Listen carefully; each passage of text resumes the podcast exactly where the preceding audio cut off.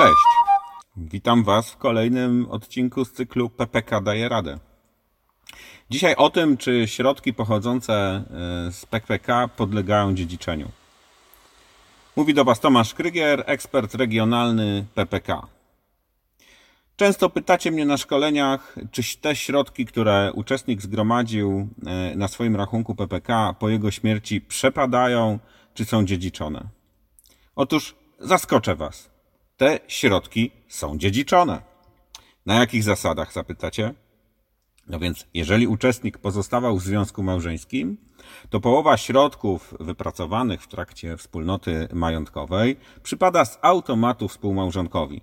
Tak, ustawa zabezpiecza współmałżonka e, w połowie środków, które zostały zgromadzone na rachunku zmarłego uczestnika. No a co z drugą e, połową, zapytacie?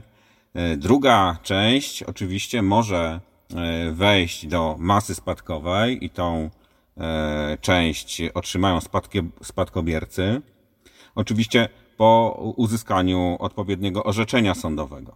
Natomiast jedną z rzeczy, którą powinien zrobić e, uczestnik, aby ułatwić e, swoim ewentualnym e, przyszłym spadkobiercom uzyskanie tych środków, to jest wskazanie osoby uprawnionej. Co taka osoba uprawniona może zrobić. No więc taka osoba uprawniona, wskazana przez uczestnika, może się zgłosić do instytucji finansowej po e, część środków, e, do których została uprawniona i nie musi posiadać orzeczenia sądowego. No to jest o tyle prostsze, że właśnie nie trzeba przeprowadzać tego całego postępowania e, sądowego.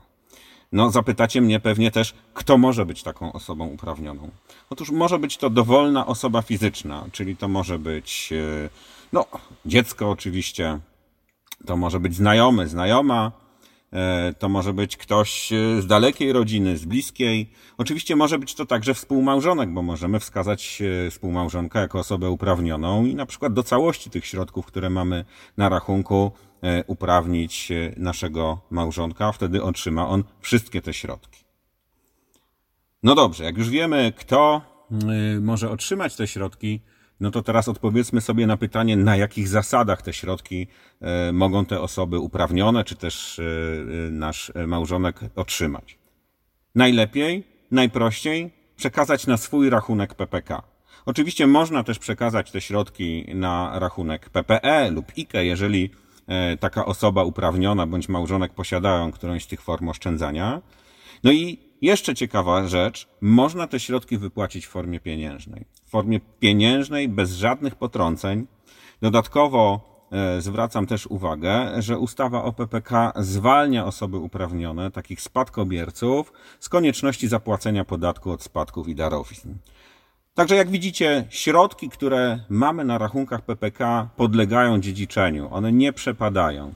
Oczywiście, jeżeli wskażemy takie osoby uprawnione, to poinformujmy je o tym, że są uprawnione. Poinformujmy je o tym, gdzie mamy taki rachunek, żeby wiedziały, gdzie się zgłosić w przypadku no, naszej śmierci.